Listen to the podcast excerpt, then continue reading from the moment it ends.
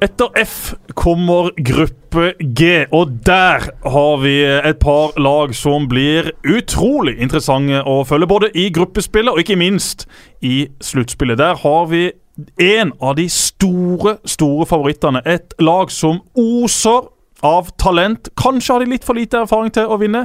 Vi finner eh, et lag som skal spille sitt første sluttspill. Vi finner et lag fra Nord-Afrika som eh, kom seg til VM, men som jeg tror fyker rett ut av denne gruppa etter tre spilte kamper. Og så har vi da favorittlaget til veldig, veldig mange nordmenn. Men vi begynner med dette laget som oser av talent. Det er da Belgia. 12 millioner innbyggere. De er renka som nummer tre på Fifa-rankinga og har vært med i VM 13 ganger. Første gang i 1930. Deres eh, beste prestasjon var en fjerdeplass i 1986. Flest kamper det har Jan Fertongen med 100, og Lukaku han har 33 mål. Gikk ubeseira gjennom sin gruppe og vant overlegent foran Hellas, Bosnia, Estland, Kypros og vårt kjære Gibraltar. De vant ni og spilte én uavgjort, og den var mot Hellas. 43-6 i målforskjell var rett og slett en maktdemonstrasjon. Treneren er Roberto Martinez. 70% av alle som gifter seg i Belgia de skilles. Kun Latvia og Litauen slår den i Europa. Det er jo helt enorme tall. Utenom Frankrike så er det ingen nasjon som har vunnet mer i Tour de France enn Belgia. Eddie Merckx, Tom Boone og Philip Gilbert er noen av de mest kjente syklistene som har henta hjem både etappeseire og det som verre er. Nesten 80 av alle biljardkuller er produsert i Belgia. Og vår gode venn Ole Martin Orst. Han er en legende i et par klubber i Belgia. Han skåra 30 30 mål på 33 kamper for Gent. Han skåra 41 mål på 72 kamper for Standard Liège og 11 mål på 33 kamper for Anderlecht. Derfor har han nå fått oppkalt sin egen pub på Gent sin nye stadion. Ole Martin, hvis du hører på dette, til lykke med alt det du har oppnådd i Belgia. Nå skal vi snakke oss gjennom et fantastisk deilig fotballag. Og Simen, vi går bare rett til det først. Hvem er vår mann i dette fyrverkeriet av et uh, mannskap? Oh, bra oppspill. Nå skal jeg uh, ikke smashe på det bra oppspillet. Men uh, uansett, nå skal vi dele ut kjærlighet til en som trenger det. Få fotballspillere er mindre elsket enn Marwan Fellaini. For er man midtbanespiller på Manchester United, så skal man gjerne være kvikk og rask kunne drible litt, eller i hvert fall være god til å slå pasninger. Fellaini kan ingen av delene spesielt godt. Han har blitt pepet ut av egne fans, men han har aldri gitt opp, alltid prøvd så godt han kan, noen ganger blitt matchvinner, ofte med sin meget imponerende afrofrisyre, for å sitere mannen som i 2013 hentet Fellaini til Old Trafford, David Moyes. Every time I see Belgium play, they talk about this great team, but I always come away thinking Fellaini is the best player. Next Tuesday, April Fool's Day, he's the biggest fool in Manchester, and that is you, David Moyes. You have lost the fans tonight. You don't deserve the fans. You don't deserve anything from this club. You got the job on the technicality of a legend who recommended you. You are nothing. You are a fool, and you are a waste of time. Good night. Good night, sa Andy Tate, eh, den eh, temperamentsfulle Manchester United-supporteren, en gang. Fellaini er liksom, på en merkelig måte en perfekt landslagsspiller. Ja, han er det. Eh, han spiller jo ikke i dette laget normalt sett, men det å ha med seg en sånn spiller til et sluttspill, Mr. Skjelbæk, som er med oss, selvfølgelig, også i denne episoden, det kan være gull verdt. Tenk deg Norge slo Brasil sankthansaften 1998. Egil Østenstad skulle inn. Ståle Solbakken satt på benken sammen med Egil Olsen og sa nei, nei, nei, nei, nei, nei, nei, nei. nei. Vi må ha inn Jostein Flo. X-faktor. Eh, Men du må jo si det sånn som en, Ståle sa det. Du, du, kan jo etterligne han, du. Ja, ja, ja. Skal vi meg gjerne prøve Ja, ja moské, hadde moské vært rett med, med, med, å få Jostein inn ja, ja, det kan du godt si. Ja, det kan du godt si. Eh, men i hvert fall så Han er nok mer dansk nå, Ståle, enn han var i 1998. Men eh, Men du har jo også Hamar-dialekt, for du er jo egentlig fra Hamar. Åssen hadde han sagt uh, i sine glanser der oppe? Nei, nei, han, Ståle er ikke fra Hamar. Nei, nei, men, men åssen hadde han sagt hvis han hadde lagt om til den dialekta? Jeg hadde vel tenkt at han får putte på en Jostein, og slå litt langt på en Jostein. Men han, eh, han, Ståle kom jo med fra Og Per Mathias, da? Hvis Per Mathias hadde sittet på benken? Ja, da hadde jeg ikke foreslått Jostein. Flo. Nei, det er sant. Hva med Ruben Yttergård Jensen, kanskje? Nei da. Um, men i alle fall uh, Vi snakker, vi snakker her altså om Belgia, ja. Mm. Ja, Vi ja, ja. om Belgia, ja. Men det blir alltid noen avsporinger. Det er Ja, fint med podkast. Vi har masse tid, og vi kan snakke om akkurat hva vi vil. Så lenge vi kommer tilbake igjen til stien. Ja, og stien her var jo Fellaini. Den lange, den høye sti, ikke den smale. Men uh, i alle fall så tenker jeg jo at Tenk om dette her vidundermaskineriet av et fotballag eh, skal stange litt i en kamp. Jeg tror de feirer gjennom gruppespillet, men si at de kommer til en åttedels kvartfinale og begynner å stange. Ting er ikke akkurat som det skal. Kanskje ligger de bak med en, og så bare kaste på Fellaini og begynne å albue og ødelegge på offensiv dødball, defensiv dødball når det er igjen fem-seks minutter. Eh, Så hvis det er sånt du mente med en perfekt landslagsspiller, så er jeg helt enig. Du trenger noen spillere som kan snu opp ned på hele matchen, og der er jo Marwan Fellaini en av de absolutt heteste eksponentene, kanskje i europeisk fotball, i kraft av å ha det sinnssyke håret og duellstyrken. Det det er helt utrolig å, å tenke på, men uh, Roberto Martinez skulle altså ta ut uh, 23 spillere til et uh, lag, og da tenker man jo ofte at da tar man ut de 23 beste fotballspillerne. Uh, Raja Nainggolan, som ja, spesielt forrige sesong, altså ikke 2017-18, men den før det, så var han i den absolutte europatoppen. Spilte med en sånn kraft, og han hadde full kontroll. Dominerte alle kamper.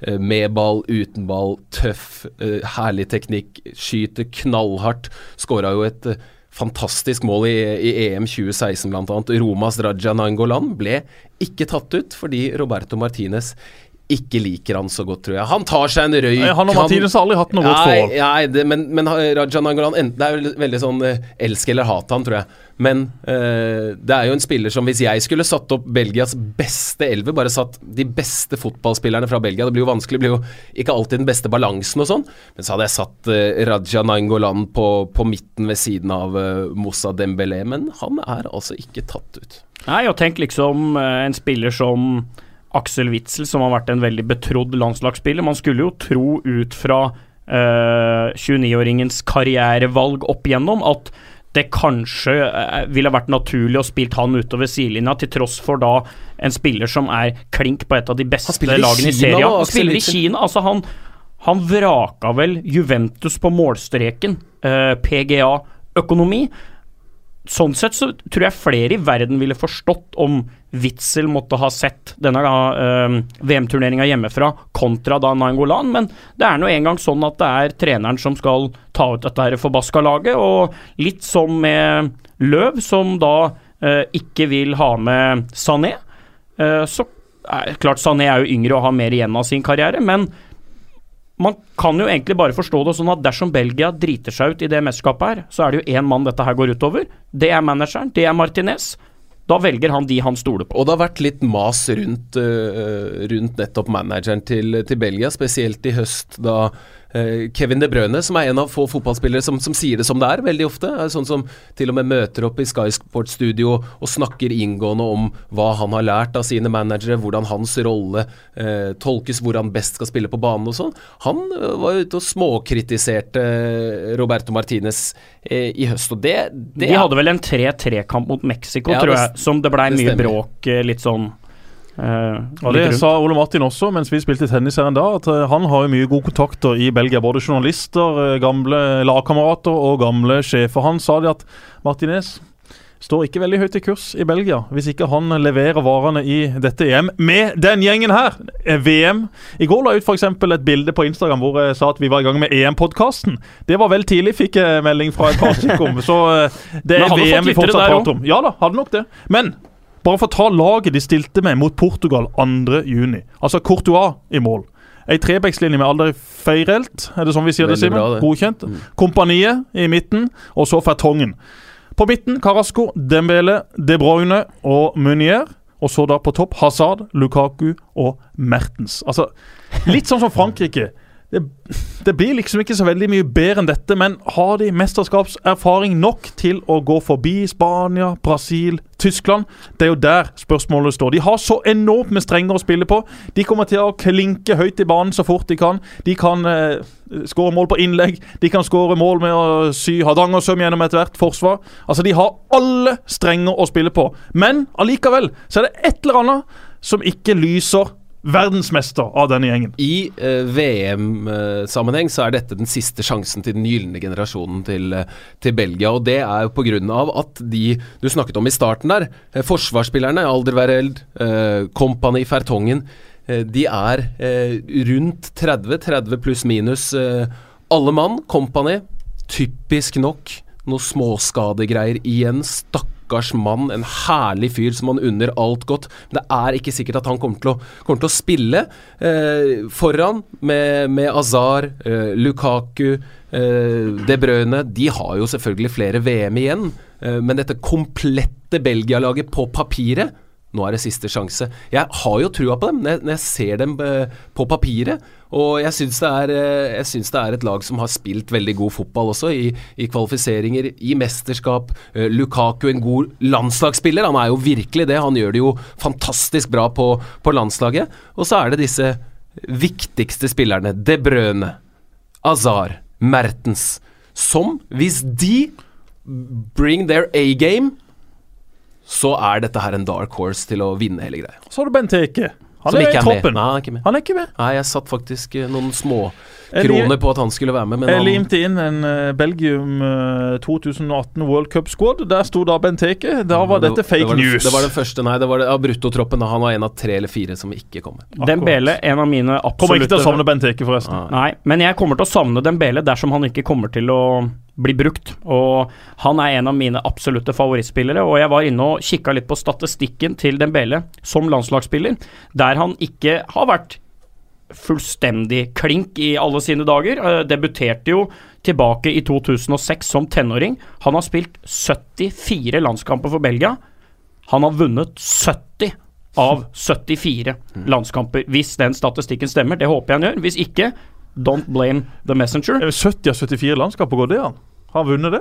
Ja, det står Dembele, who has won 70 caps since making his international debut as a teenager in 2006. Ja, ja. Stemme, Men det. det, det høres jo spinnvilt ut. Ja, det Ja. Vi skal innom eh, England selvfølgelig senere, som er i samme gruppe. men- Apropos diksjon og uttale her nå. Ja. Men kan det stemme, eller er jeg helt på bærtur? Det hørtes helt vilt ut. Hvor har du funnet dette hen? Jeg fant den i eh, den fantastiske VM-guiden til The Guardian, som jeg satt og Ja, men de har, jo, de har jo peiling. De må jo stemme det. De har peiling. Ja. Ja, Vi sier at det stemmer. Og Det som ikke stemmer, er at Costa Rica er ei øy. For Det har jeg visstnok sagt i en eh, tidligere episode her da vi gikk gjennom Costa Ricas gruppe. Fikk jeg melding på det eh, på Twitter, så det er bare å legge seg langflat. Jeg har bare sett masse bilder fra Costa Rica fra mine gode, gamle lagkamerater. Det har jo alltid vært strender og masse hav å se. Da har jeg tenkt at Costa Rica det er sikkert ei øy. Det er det da ikke. Det henger sammen med en hel haug av andre ting nedover fra nord til Sør-Amerika der. Da skal, jeg, skal jeg tilbake til bare det jeg skulle si om England. Ja. Jeg klarer ikke å finne mer enn én, kanskje to Ja, to engelske spillere som hadde gått inn på dette belgiske landslaget. Og det er Kyle Walker, muligens, og, og kan være Harry Kane, altså. Raheem Stirling litt sånn. Men, men det, Belgia er jo mann for mann så mye bedre enn Men disse gutta fra Premier League, Simen, som du har stålkontroll på, som du har på alt annet. Har de hatt gode sesonger? Eh, Ja. Tror du de har mer energi i føttene sine til å levere det samme Ja. i et VM? Absolutt. Det er en som, som ikke har to egentlig som litt overraskende ikke har hatt uh, gode sesonger, og det er Chelsea-gutta. Courtois som plutselig det gikk veldig lett an å slå tunnel på. Så mange baller som gikk mellom beina hans, og da ble det sånn Det ble en sånn morsom hånegreie på sosiale medier at, uh, at Courtois er den enkleste av alle spillere i verden å slå tunnel på. Så er det Eden Hazard som er en gåte. Altså Annenhver sesong er han eh, topp fem i verden, og annenhver sesong så er han eh, ikke topp eh, 30 engang. Så eh, det er vel de to kanskje spesielt som har skuffa. Dries Mertens vært utrolig god i Napoli nå eh, et par sesonger. Lukaku litt opp og ned, det må sies. Jeg syns jo han har vært eh, bra. Jeg, det er vanskelig å komme inn i det eh, Manchester United-laget der som ikke fòrer han så veldig mye. I starten av sesongen ble fòra, fikk spille på sine styrker og var utrolig god. Thomas Fermalen, etter min eh, Nei, Thomas Fermalen, sier jeg. Eh, Jan Fertongen, etter min mening eh, Premier Leagues beste midtstopper denne sesongen. Kevin De Brøne, etter min mening Premier Leagues beste spiller denne sesongen. Og så har de Marius sin favoritt, Moussa Dembélé, som også Han er jo helt utrolig. Det er umulig å ta fra han ballen. Så dette her er det, de kommer fra en god sesong, men selvfølgelig, som veldig mange andre, spilt utrolig mange kamper, så de er sikkert litt slitne. Det som blir spennende å se, som jeg alltid tenker på litt med disse landene her, da, som kommer da fra hjertet eh, av Europa, må vi nesten si, det er jo at det som både er deres styrke og kan bli deres svakhet, er jo at vi snakker om et land med utrolig mange forskjellige eh, opprinnelser, opphav. Altså eh, Belgia, Nederland f.eks. har vi jo sett hatt utfordring med dette før. At innad i laget så danner det seg koloni i Nederland, eh, spesielt da, eh, da de hadde generasjonen fra Surinam, altså en tidligere nederlandsk koloni, hvor det alltid eh, kunne bli litt eh, steile fronter. Frankrike har jo også hatt en eh, historikk for dette her. Eh, Riktignok så brukte de det til sin fordel og vant i 98, men vi husker jo alle bildene fra Sør-Afrika i 2010. Det er en utfordring uh, i disse landene her. Nå ser det ut som Belgia har egentlig bare nytt godt av det i mange, mange år, uh, og får for all del håpe at de gjør det, men det henger med. Det henger med som en liten sånn, eh, sånn greie ved, ved disse landene. La oss uansett håpe på at vi får se Belgia på sitt eh, aller beste. De blir en attraksjon. En attraksjon er også, Jesper, Panama. Panama. De eh, skal vi fyke gjennom nå, og det er jo et eh, lag vi i eh, Norge kjenner godt til. Etter at de da eh, Norge på Ullevål. Og de har faktisk 3,7 millioner innbyggere. De er renka som nummer 55 på Fifa-rankinga og er med i VM for første gang. Den som har flest kamper, det er Gabriel Gomez med 143. Og Luis eh, Tejada og Blas Perez har 43 mål. De kom seg til VM på veldig dramatisk vis. De måtte slå øynasjonen Costa Rica i sin siste kamp i gruppespillet. Og Costa Rica de var allerede klar for VM. Samtidig så måtte USA tape for jumboen Trinidad og Tobago. Og det som skjedde, var at USA tapte på sjokkerende vis med 2-1. Men Panama de var i trøbbel og lå under mot Costa Rica. Så utligna de på et mål som aldri skulle vært godkjent. Og mot slutten av kampen kasta de alt det de hadde i angrep. Le.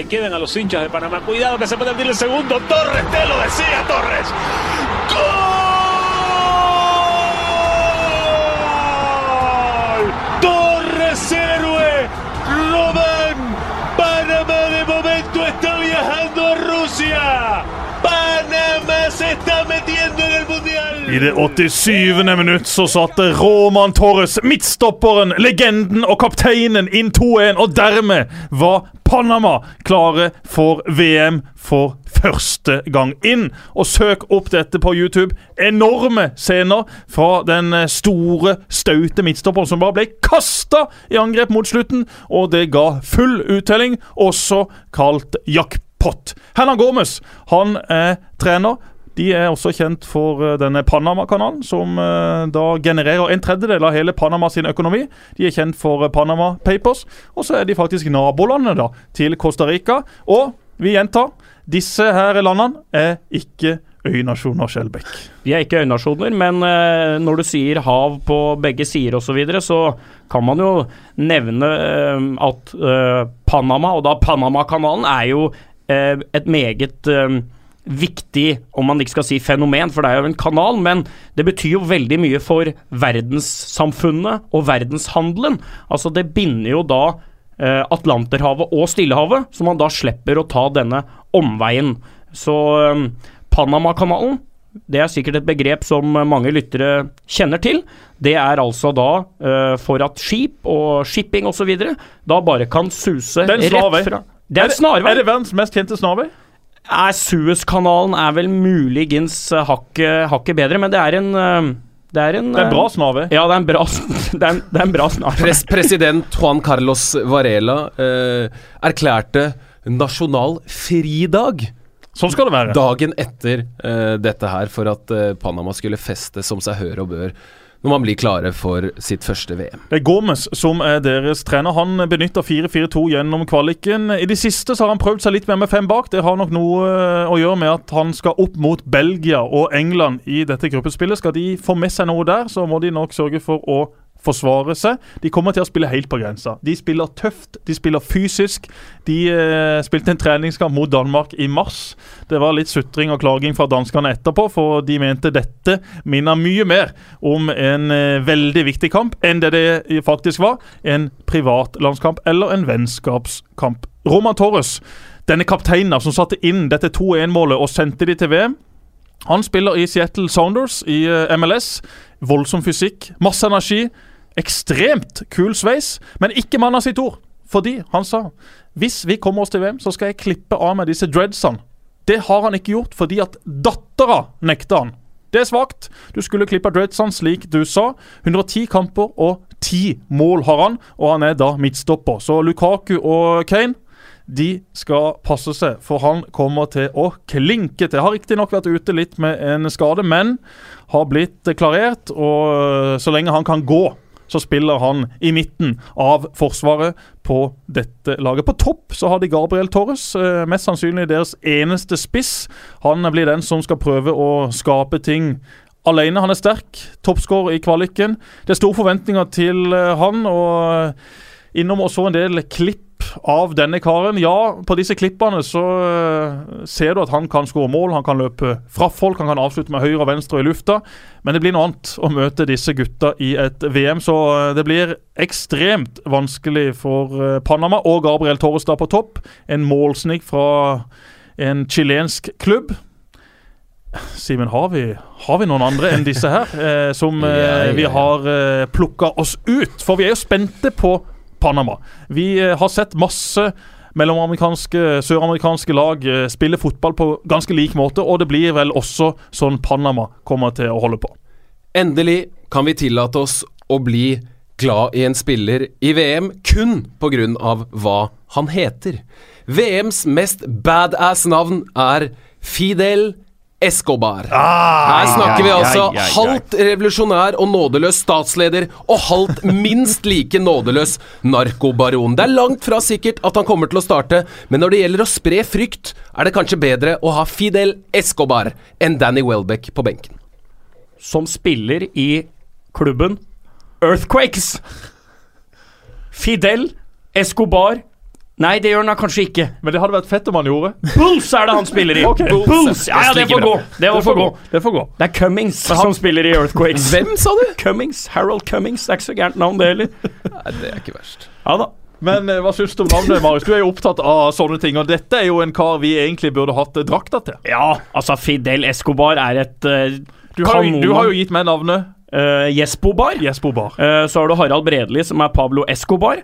Men mitt favorittnavn i hele VM, det tror jeg faktisk er en tysker. Marvin Plattenhardt. Er, det er et så bra navn, altså. Så uh, hvis det er noen som har noen andre favorittnavn, så uh, kan man jo veldig melde gjerne. inn. Veldig gjerne. Uh, sånn er jo veldig kult. Yes. Uh, Morsomme navn, eller, eller, fine, kule navn. Ja. Det er jo noen sånne Jeg tenker de ja. Rocky Santa Cruz. Ja.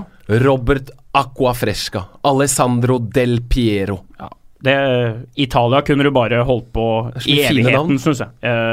men jeg, jeg, jeg syns sånn er kult. Jeg er enkel, og Fidel er Fidel er bra.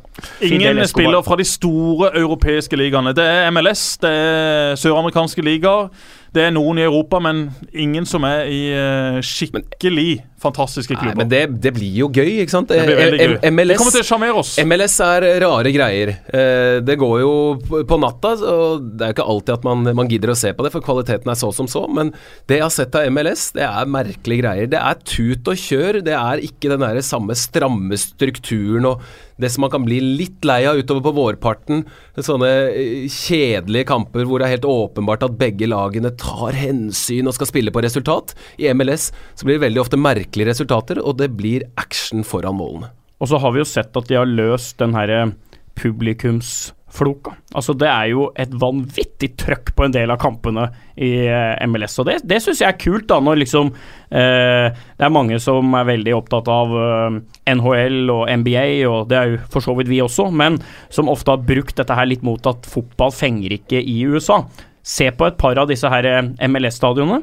Syns jeg er ordentlig kult å se. Og igjen kan bli vertskap for uh, 2026-VM. Hvor skal vi reise hen? Er du Skal en vi- sånn Viggo, Viggo Har du tatt Viggo Valle-rollen her nå? Hvor skal vi reise hen? Vi skal til Nord-Afrika. Vi skal til eh, Tunisia, for det er det neste laget i denne gruppa. Panama de kommer til å sjarmere oss. Det tror jeg fort Tunisia også kan komme til å gjøre. De har da 11 millioner innbyggere, renka som nummer 14 på Fifa-rankinga. Har vært med i VM fem ganger. Første gang i 1978. De har aldri gått videre fra gruppa. Flest kamper har Sadok Sassi med 116, og flest mål har Isam Jema med 36 goller. Kvaliken, der vant de si gruppe foran Kongo, Libya og Guinea. Men det var veldig jevnt med Kongo hele veien inn. Tunisia de endte på 14 poeng, mens Kongo de endte på 13. I Tunisia snakkes det to språk. Fransk og arabisk. Eh, nesten alle som bor der, er muslimer. Star Wars-fansen har reist i hopetall til Tunisia for en del kule scener fra en eller annen film, eller flere filmer, ble visstnok spilt inn her. Sahara det er verdens største ørken, og en liten del av denne ørkenen ligger i Tunisia. Ifølge Google Maps så tar det 17 dager og 7 timer å gå til Tunis hvis man starter på Oslo S. Det er riktignok en del ferger involvert, men det tar altså 17 dager og 7 timer å gå disse 2914 km. Og det som er litt deilig, er at i denne reiselabyrinten så er det lov med Google. Da er det lov med Google. Eh, jeg ville riktignok ha anbefalt eh, Apollo, Ving eller eh, Startur for å komme seg til Tunisia. Det gjorde jeg og min eh, familie. Har du vært der, du òg? Ja, ja, ja. Jeg har vært i Tunisia. I SOS? I SOS. Ja, samme her. 1955. Nei, det er 2005!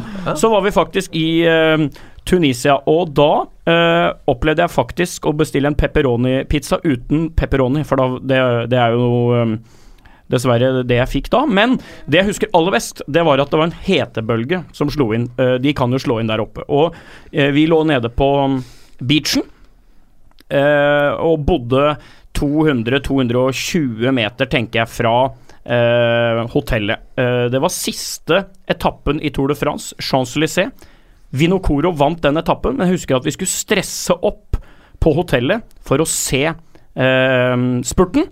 Og dette hang i en fryktelig tynn tråd. For når vi kom inn, da måtte vi krysse én vei. Det gikk én vei gjennom hele den landsbyen. Den var stengt. Og det sto masse folk. Alle tunisere i hele verden sto i den veien der. Vi lurte på hva i all verden er det som skal skje her? Og prøvde å spørre, vet du, men det var vanskelig å få svar og dill og dall, da. Men det viste seg, på mitt ene besøk i Tunisia, så da fikk jeg se presidenten. Ai, ai, ai. Ja da. Så jeg fikk da, om ikke et møte, så fikk jeg i hvert fall da se en, eh, en sota bil som kjørte gjennom. Og det var jo da presidenten i landet. Nå blei vel da riktignok vedkommende styrta, Styrta, ja. faktisk, i starten på den arabiske vår, 2010-11 der. Men jeg har da sett den styrtede presidenten i Tunisia. I SOS. I SOS, rett utenfor. På gaten i SOS. Jeg hadde en, eh, en opplevelse der eh, jeg også. Et, et par år tidligere var jeg der på, på ferie. eh, og gikk bare plutselig langs gata, så så, så jeg en svær bamse av en fyr. Skalla, veldig sånn Jeg tenkte nordisk utseende. Det var et eller annet kjent med. Så går jeg litt nærmere. Jaggu er det ikke Karsten Janker, altså. Nei! Jo. Jeg skulle til å si Erik Thorsvedt. Nei, det, men det, det er litt samme skikkelse. Janker? Karsten Janker. For Han en digga jeg. kraftspiss. Ja, han digga. Han har heada inn noen goller. Ja, han er det.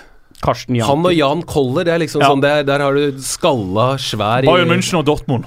Ja. De var altså veldig fine å ha på diverse fotballspill opp gjennom tida, disse. Både på Fifa, Pro Evolution. De var så sterke i lufta. Slo du inn innlegg til de, så, så, så, så, så var det goal. De fiksa resten.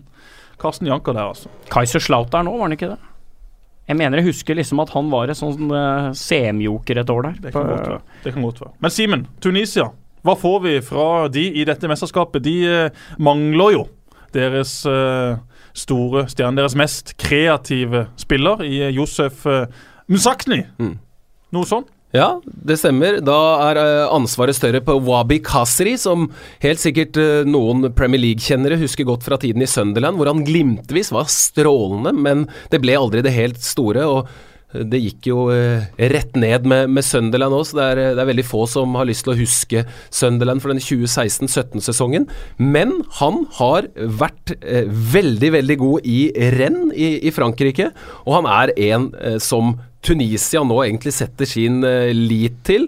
Uh, rutinert blitt, 27 år gammel. Tror at det kan Dødballspesialist? Ja, og han, han uh, Veldig fine langskudd. Hadde et vidunderlig mål i Premier League. Jeg husker ikke hvem det var mot, men jeg mener å huske at det var mot et stort lag.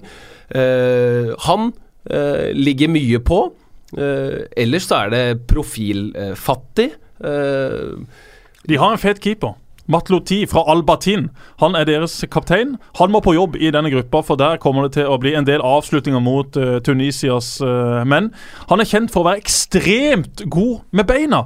Og liker å drible motstandere inni sin egen 16-meter. Altså Det er jo noe vi alle liker. Han uh, har riktignok konkurranse fra Ben Mustafa, men det blir nok vår gode, glade driblevenn som står og vokter buret. Tunisia er jo et uh, afrikansk land med VM-historie. Der kanskje uh, vi har forelska oss mer i Nigeria, i Kamerun, i Ghana osv. Så, videre, så må vi jo si at Tunisia var det første afrikanske landet som vant en VM-kamp. Det var faktisk deres første. Var i 1978-VM, som du var inne på. Dette husker du godt? Dette husker jeg godt. Dette... Hvem, hvem jobber du for da? NTB? Var vel en liten tur innom, kanskje. Ja. Men i alle fall så, så slo de Mexico i sin første kamp.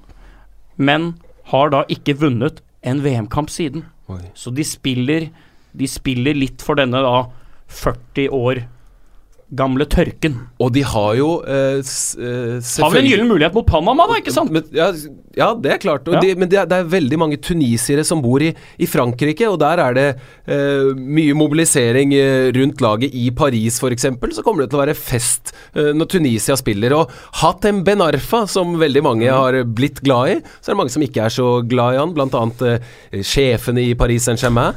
Hatem Ben Arfa, som, som var så god, apropos oppi i Tyne Wearside uh, for Newcastle en uh, sesong eller to, og så uh, stoppa det helt opp. Og så dro han til, til NIS, fikk karrieren på rett kjøl, og så var det til Paris Saint-Germain, hvor han bare havna helt ut i kulden. Poenget mitt er at dette er jo en, en tunisier som man nesten skulle ønske bare at det kunne vært sånn wildcard. Ok, greit, Ben Arfa, du er så god, du må inn. Og bare latt han spille for eh, Tunisia ja. i dette mesterskapet. I stedet så jobber han som kronikør for fransk Fotball, det, det, franske magasinet i VM. Der kan det komme en del krutt, altså både når det Men gjelder Tenk så trist at slike spillere skal være i kulda. At de skal ligge lengst nede i en fryseboks under fiskepinnene. Altså, det er trist, det er kjedelig. Hatem Ben Arfa er jo sånn spiller som du kan skru på hvilken som helst kamp. Så lenge han spiller, så blir du sittende og se på. Du har en forventning hver gang han er i nærheten av ballen. Altså, Sånne spillere som type kun bruker venstrefoten når de dribler, eller kun bruker høyrefoten, de har noe med seg. David Ginola i sin tid, også for Tottenham, føyk nedover uh, venstrekanten med sin høyre fot.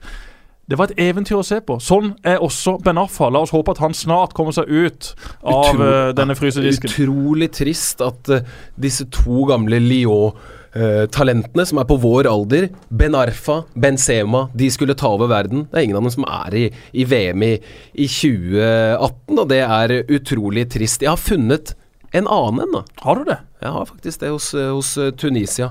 Sommeren 2015 ble Johan Benalouan hentet av Claudio Ranieri til det som skulle bli seriemesterne i Premier League, Leicester City. God timing, sier du. Vel. Det har seg nemlig slik at det ble med fire korte innhopp for tunisieren. For å få mestermedalje må man ha vært på banen i fem kamper.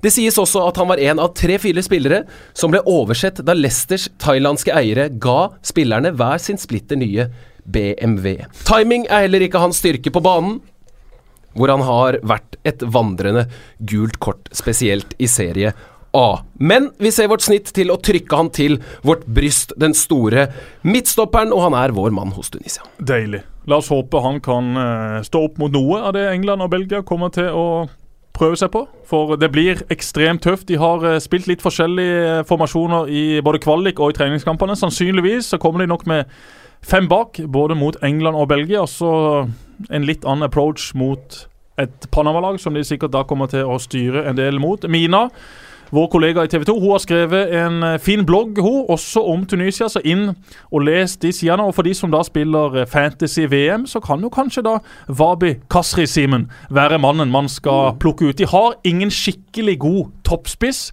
men treneren har løst det på følgende måte at han har tre-fire veldig bevegelige spillere som kan bytte formasjoner, som er vanskelig å møte.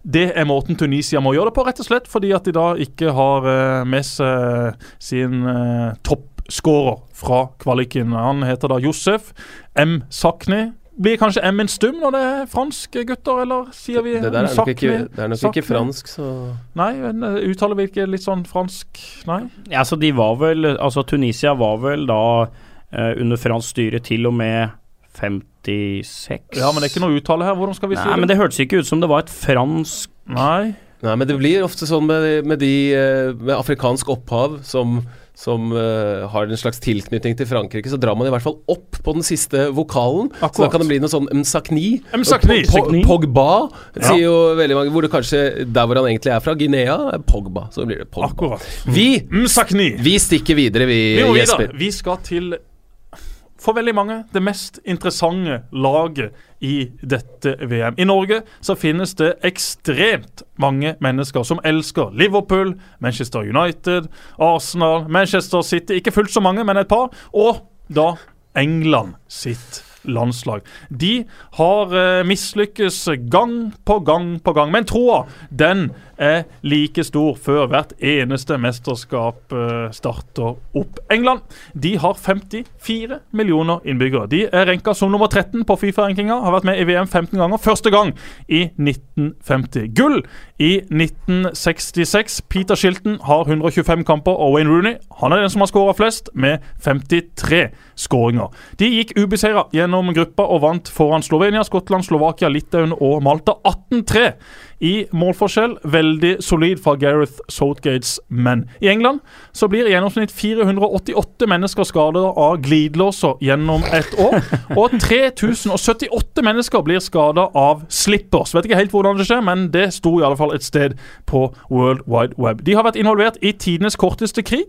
Det var mot Zanzibar i 1896. Kom litt tidlig for Skjellebukk, men eh, Zanzibar de heiste det hvite flagget allerede etter 38 minutter. England har verdens beste øl. Det synes iallfall Frank Strandli. Han kalte det pint. De er også kjent for å ha fått frem Mr. Bean, en strålende fyr. Oi, oi, oi. Oi, oi, oi. Nei, Bean er fin, altså. Bean er fin. Bean er fin. Jeg syns Altså, når, altså løsningsorientert når han håndterer det der ma maleriet der eh, i den første filmen, hvor vel da Ronan Keating og Boyzone hadde, eh, hadde eh, Hva heter det? Ikke soundtrack, men tittellåt. Jeg tror du kan si det. Jeg kan kanskje si soundtrack. Der syns jeg han var sterk, hvordan han løste det, og ikke minst hvordan han redda livet uh, når han nappa ut den herre um, kula med en pinsett, for han trodde det var en sånn M. Han trodde det var en sånn sjokolade. Så Og ikke minst når han har uh, stappa huet sitt inn i kalkunen. ja, den er fin. Når, Den er han- når hun eh, når hun som han driver og skal date, skal ja, komme på besøk. ja, Ja, for han driver med klokka. Det er vel klokka som er grunnen. Han mister vel klokka. Ja, så skal, inn, så skal inn og kikke i kalkunen Ja. etter klokka, men da sitter kalkunen fast, og dermed kommer han da vandrende inn i stua med kalkunen over huet. Det var nok Mr. Bean. Nei, vi vi skal med. Vi skal med. Ehm, han har jo en lookalike i det engelske gamet, som eh, er en av deres største stjerner, men han skal ikke til VM. For det er jo ingen engelske dommere i Russland denne sommeren. Michael Oi. Oliver. Har jeg tenkt på det? Ligner litt på Mr. Bean. Ja, Ja, når du sier det, Sant så Men han skal ikke med. Og det, Grunnen til det var jo helt åpenbart at, eh, at han er god nok. Eh, Men man må ha alle mulige sånne stempler. Eh, Han hadde ikke eh, EM eller VM U17. Derfor så, det, er, det, er, såpass eh, svart-hvitt og byråkratisk og teit at, at uh, han mangla rett og slett. Det er litt sånn som å mangle mørkekjøring når man har man, Altså, mørkekjøring Man skal bare møte opp på, eh, på en ute på landsbygda eller oppe på Jessheim eller noe sånt, bare stå og se på en bil som kjører i mørket. Ok, greit, ja, du blir god sjåfør, du får lappen, herlig. Var det sånn de gjorde det på Østlandet? Vi måtte kjøre, vi, i mørket. Men, nei, nei, men vi hadde jo trafikalt grunnkurs, og da hadde vi jo ikke mulighet til å, å, å kjøre. Vi kjørte ikke bilen, vi så bare på noen som hadde mørkekjøring. Mm. Det er rart dere er så fryktelig dårlige til å kjøre bil inni her. Ut. Ja, det er det. Ja, men dere Veldig begynner jo å kjøre bil fordi dere ikke har noe annet å drive med. Det er Ja, korrekt. nei, det er- korrekt. Du, Må Simen. til å gå. Hvordan skal England stille i dette Ja. VM? Har du et tips på en lagoppstilling, formasjon, eller er det usikre kort? Jo, det er jo Det ser, det ser jo ganske spikra ut eh, etter hvert. Eh, Jeg mener jo at dette her er eh, det, det kjedeligste eh, sånn eh, konkurransemessig dårligste engelske laget i et eh, VM. Tidligere så har de hatt gylne generasjoner, de har hatt i hvert fall noen, eh, noen store, store profiler. Ja, de har, eh, har Harry Kane nå, liksom, men, men eh, dette her er eh, ganske grått og kjedelig. Hvis jeg skal prøve å, å ta eh, top of my head sånn jeg tror de kommer til å starte Pickford i mål, eh, Walker, eh, Cahill eh, blir det vel Jones eh, som midtstoppere? Da. Det er det de har gjort i det siste. Tre bak med Kyle Walker som høyre midtstopper. Så tror jeg det blir Kieran Trippier på eh, ene bekken. Jeg tror det blir eh, Ashley Young på motsatt eh, side. Eh, hvis det blir da 3-4-3, så kan det altså bli eh, såpass eh, skal jeg si, defensivt stabilt og grått som Eric Dyer og Jordan Henderson sentralt på midten. De Deli Alli, uh, Jesse Lingard uh, kjemper om uh, antagelig én plass som en litt mer offensiv spiller. Harry Kane er bankers, og så tror jeg Raheem Sterling kommer til å starte. Det er ikke Gerard Lampard, Beckham, Scholes. Scholes. Selv om han da riktignok valgte å stå av relativt tidlig i sin Ja, ja, ja. landslagskarriere, men eh, Dette var et grått lag. det er grått. det. Det er grått. Jeg hadde ikke stor tro på England, men jeg fikk eh, enda mindre tro nå, når du ramsa opp den lagoppstillinga der. Eh. Men troa, Marius, det er mange nordmenn som har et spesielt forhold til, til England. Hvorfor det? Nei, det har nok med tippekampen og, og, og den eh, type ting å gjøre, at stort sett alle Det, det som er veldig fascinerende når du eh, ofte treffer noen da som uh, veit at eh, du jobber i TV 2, og veit at du jobber med fotball og er interessert i fotball osv., så, videre, så så er det jo eh, stort sett det første spørsmålet du får, er liksom eh, Men hvilket lag er det du heier på? Hvilket, hvilket lag er det du heier på? Ja. Og så sier du Nei, jeg heier på, heier på HamKam, jeg. Ja, ja, ja, det, det, det skjønner jeg, men, men hvilket lag er det du egentlig heier på? Så det er eh, vi- Vi må vel være det eneste landet, i hvert fall kanskje i Europa, tenker jeg. Altså i, i deler av Asia og deler av Sør-Amerika sånn, så vil jeg tro at henholdsvis da engelske lag slash spanske lag i Sør-Amerika er de største. Men i Europa så, så føler jeg at liksom folk har sitt lag fra sin by, fra sitt hjemsted. Sånn er det ikke i Norge. Altså du kan være fra Du kan være fra Toten og elske Everton. Du kan være fra Sørlandet. Du kan være fra Mandal og elske Sunderland. De fleste velger jo da riktignok Manchester United, eh, Liverpool eh, osv. Men eh, nei, jeg, jeg tror noe av forklaringa ligger der. Og så er det jo dette her med eh, evnen til å alltid gå på trynet, da.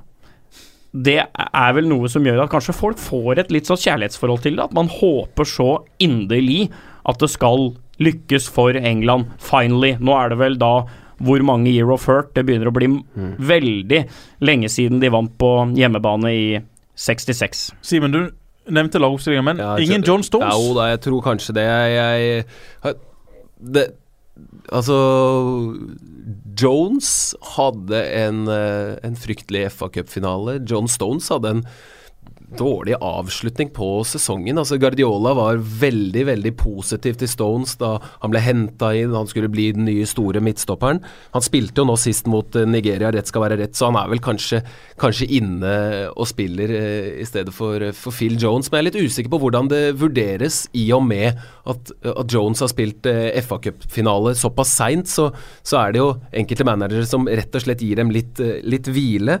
Eh, og er det en som, som trenger litt hvile, så er det jo faktisk eh, Phil Jones som Altså, det er ikke alltid beina hans eh, funker. En, en uh, mye dårligere fotballspiller rent teknisk enn hva John Stones er, men uh, mer en som kan stå imot når de skal være underdogs, og som mestrer kunsten å forsvare eget mål. Oftere i hvert fall enn John Stones. Og de slapp inn kun tre mål i kvaliken, og de slapp inn De er jo kun kvalikspesialister ja, og de slapp inn kun ett mål i treningskamper mot Tyskland, Brasil, Nederland og Italia. Så det at dette laget er godt organisert defensivt, at det er et lag som er vanskelig å score på, det er det jo ingen som helst tvil om, uansett hvem de kommer til å spille med. Men Harry Kane, Simen, han var altså i ypperste verdensklasse. Så kom det en skade, og etter at han kom tilbake, så var det ikke like skarpt. Nei, altså Kan det være en fordel for han inn mot VM at han har øh, sånn sett fått litt hvile?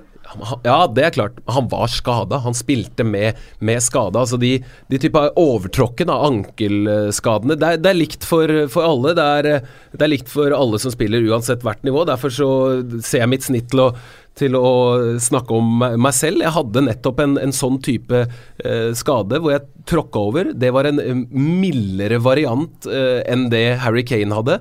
Og jeg eh, hadde skikkelig smerter i ankelen. Kunne ikke gå på den ankelen i nesten en uke. Og, og kunne spille fotball igjen etter to uker omtrent. Harry Kane var rekordraskt tilbake med en mye, mye mer variant av overtråkk enn det jeg uh, opplevde. Det er veldig smertefullt, og uh, det sier mye mer om hvor sulten han var på å bare score mål hele tiden, uh, enn fysiologi og hva som egentlig var smart. Så han, han burde jo ikke ha spilt på, på slutten der, men jeg lot meg heller da imponere av at han med smerter, helt åpenbart, faktisk klarte å, å score noen mål på, på tampen. Altså.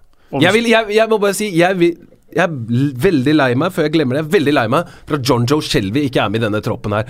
Han har vært så utrolig god. Nå har de en midtbane som eh, Ja, den er eh, stødig. Den er mye fysikk og bra, men de mangler en som med en eneste pasning kan åpne opp alt sammen. Jack Wilshere er ikke med. Det, det kan jeg godt uh, forstå. Hvis han hadde hatt uh, en uh, god sesong hele veien og spilt for England gjennom kvaliken og sånn, så, så hadde det vært greit at han skulle vært med. Men akkurat John Joe Shelby, som en joker, latt han spille de kampene mot Panama og Tunisia, hvor man må ha en som åpner den forsvarsmuren som kommer til å stå der. Jeg tror han hadde vært helt perfekt å prikke pasninger til Kane, Vardy, de der, han er jo en quarterback, han eh, John Joe Shelby. Altså, eh, det er jo noe av det jeg Nesten, er nesten litt sånn uh, Marquez på Mexico. ja, eller, eller Fabregas, Pirlo litt. Ja, men jeg mener det helt seriøst. Han har noe av det, Pirlo det samme. forkledd i Voldemort. Ja, nettopp. Ja, men Han har en fantastisk fot. Og han, Mm. igjen, sammenligna med Marquez eller Kroos eller de gutta du nevnte, Simen. Altså, det å kunne slå sånne pasninger Ja. Det å kunne fått vendt Mm. spillet mot disse motstanderne som kommer til å ligge ekstremt kompakt. Det kommer til å sideforskyve mye. Det kommer til å være helt avgjørende å ha folk Yes. som ser løsningene, og som utfører Og dette. her. hvor er tilretteleggerne i dette engelske laget? Dele Alli kommer på dype løp, er mer en avslutter. Ja, han treffer på noen fine pasninger en gang iblant, han òg, men han er først og fremst en som skal være i enden av eh, kjeden. Eh, Jesse Lingard, litt det samme. Dype løp. Ser ikke helt det geniale i han pasningsmessig. Eric Dyer, det kommer en fin pasning en gang iblant, men det er ikke det samme. Jordan Henderson, veldig likt. eh, har et begrensa register, så Nei, jeg savner kreativitet i dette engelske laget. Helt enig. Og vi lista opp Belgias sin eh, tropp. Eh, vi lista opp Belgia sitt lag i sist treningskamp. Altså, med all respekt for England, så er de jo på et helt annet nivå. Både med tanke på hva de har i en elver, og ikke minst hva de da kan dytte inn på. Spillere som har litt annerledes ferdigheter. De har flere strenger å spille på. Dette her engelske laget ser grått ut. Det ser trist ut. Og eh, nå skal jeg iallfall høre, Simen, om du kan gi meg litt mer tro på eh, Southgate og hvorfor For hvem er det som er vår mann? Dette er en solskinnshistorie som starta i september 2017. Da visste de aller færreste hvem i alle dager Nick Pope var. Burnleys landslags aktuelle førstekeeper Tom Heaton ble skada, og inn kom en 25-åring med overbitt som til tross for sine 193 cm så mest ut som en ballgutt. Drøye åtte måneder senere ble han tatt ut til VM. Han var sterkt bidragende til at eh, det til høsten skal spilles Europacup på Turf Moor. Kun David De Gea hadde høyere redningsprosent i Premier League 2017-18. Han var mye bedre enn Pickford og Butland, og Pope bør være selvskreven mellom stengene, men han kommer ikke til å spille, sikkert. Du skulle gjøre meg mer positiv til England, og så drar du opp en keeper fra Burnley. som ikke kommer til å spille. Men dette her Altså, er jo Men dette det her er jo litt av det som er så sjarmerende med England nå. Det er dette her at du vet at de kommer til å spille bra i kvaliken. Du vet at de kommer til å bli gruppevinner, komme inn i mesterskapet. Du vet at forventningene er store, at det er masse folk, at det er litt uh, tumulter rundt, uh, og det er uh, ministre som skal inn og si noen store ord om hva dette betyr for England osv., og, så veit du at det går til helvete. Du vet at det før eller siden kommer et bananskall som ingen sklir mer elegant på enn engelskmenn. Det kan være røde kort, det kan være straffespark, det kan være syndebukker. Og på vei hjem fra Lill i fjor Nei, ikke i fjor, men for to år siden. Tyskland hadde slått Slovakia. eh, Skulle da reise hjem til øh, Oslo. Jeg var ferdig med å dekke EM for TV 2. Står da i heisen på togstasjonen i Lill sammen med Kasper Wikestad. Og så kommer det inn en, du veit når heisen egentlig er på vei igjen, vet du. Og det kommer en og akkurat rekker å trykke på den knappen. Irriterende. Ja, så du må vente 20 sekunder til. Ja. Inn stiger da eh, en som eh, jobbet for FA for å analysere og kartlegge motstandere. Hans navn Gareth Southgate. Akkurat. Han går inn, ser at det står noen med akkreditering der og sånn. Ser selvfølgelig litt ned i bakken, for han hadde jo ikke, kanskje ikke så lyst til å prate, men eh, Kasper Wikstad er jo veldig glad i å prate, det er for så vidt jeg òg. Og kommer da liksom til Yeah, yeah, Iceland. Cool, you play Iceland, uh, and you have gone through, and now it's the, the finals and everything. Oh, så han bare snudde seg, så ned i bakken og rista på huet. Det, så det er noe med at hvis du er engelskmann, så tror jeg du gruer deg så kolossalt til kamper, for du veit at det på et eller annet tidspunkt går til helvete. Nå blei jo dette her, her da riktignok jobben hans etterpå, da. Det tror jeg heller ikke han visste. Men eh, det var faktisk ganske fascinerende å se. Og er det noen som veit hvordan uh, det er å, å på en måte svikte og skuffe nasjonen, så er det jo nettopp Gareth Southgate. Så, så det var et kult møte. Da, Kan, eh, kan jo kanskje i samme slengen si at uh, altså, Vi nevnte Danny Welbeck så, så vidt i stad. Uh, Adam Lallana eh, var jo ikke veldig god i Champions League-finalen. Men hadde det ikke vært bedre å, å, å ta med han, da, apropos kreativitet og sånn, enn å Nei, vi skal, vi skal ikke dra det for langt ned i, i Sørdal. La oss, la oss tippe hvem som skal uh, gå videre fra denne gruppa. Jeg er i hvert fall helt klar på at Belgia uh, er gruppefavoritter. Ja, det er det vel eh, ingen her inne som skal diskutere altfor mye på, Marius? Er det det? Nei. Og det går til helvete til slutt, sier du, Marius, med, Ja, med, med England. det gjør det. Eh, Men de skal få lov til å være med De, videre de, de, skal, få, de, skal, de skal til åttedels, i hvert fall. Eller er du uenig, Simen? Tror du det går så galt? Nei, altså det er bare Jeg, jeg tror ikke nødvendig Altså det er ikke Jeg tenker at de bør jo De slår Panama. De bør fint kunne ta seg av Tunisia, men et bitte lite, og egentlig det første sjokkvarselet mitt i, eh, i VM er eh, rundt England. Men jeg skal gå med på, for jeg er ikke så liksom sånn Skal ikke være så uh, f- Genial. Nei, men ikke sant. Takk for det. Det var det ordet ordet- Vi sender Nei, England vi sender videre. England videre som Og gruppe to. da. Ja. Ja. Eh, Da er vi eh, snart i mål, men vi har én gruppe igjen. Bli med videre til gruppe D, da, dere. Eller H. Ah! H! Takk.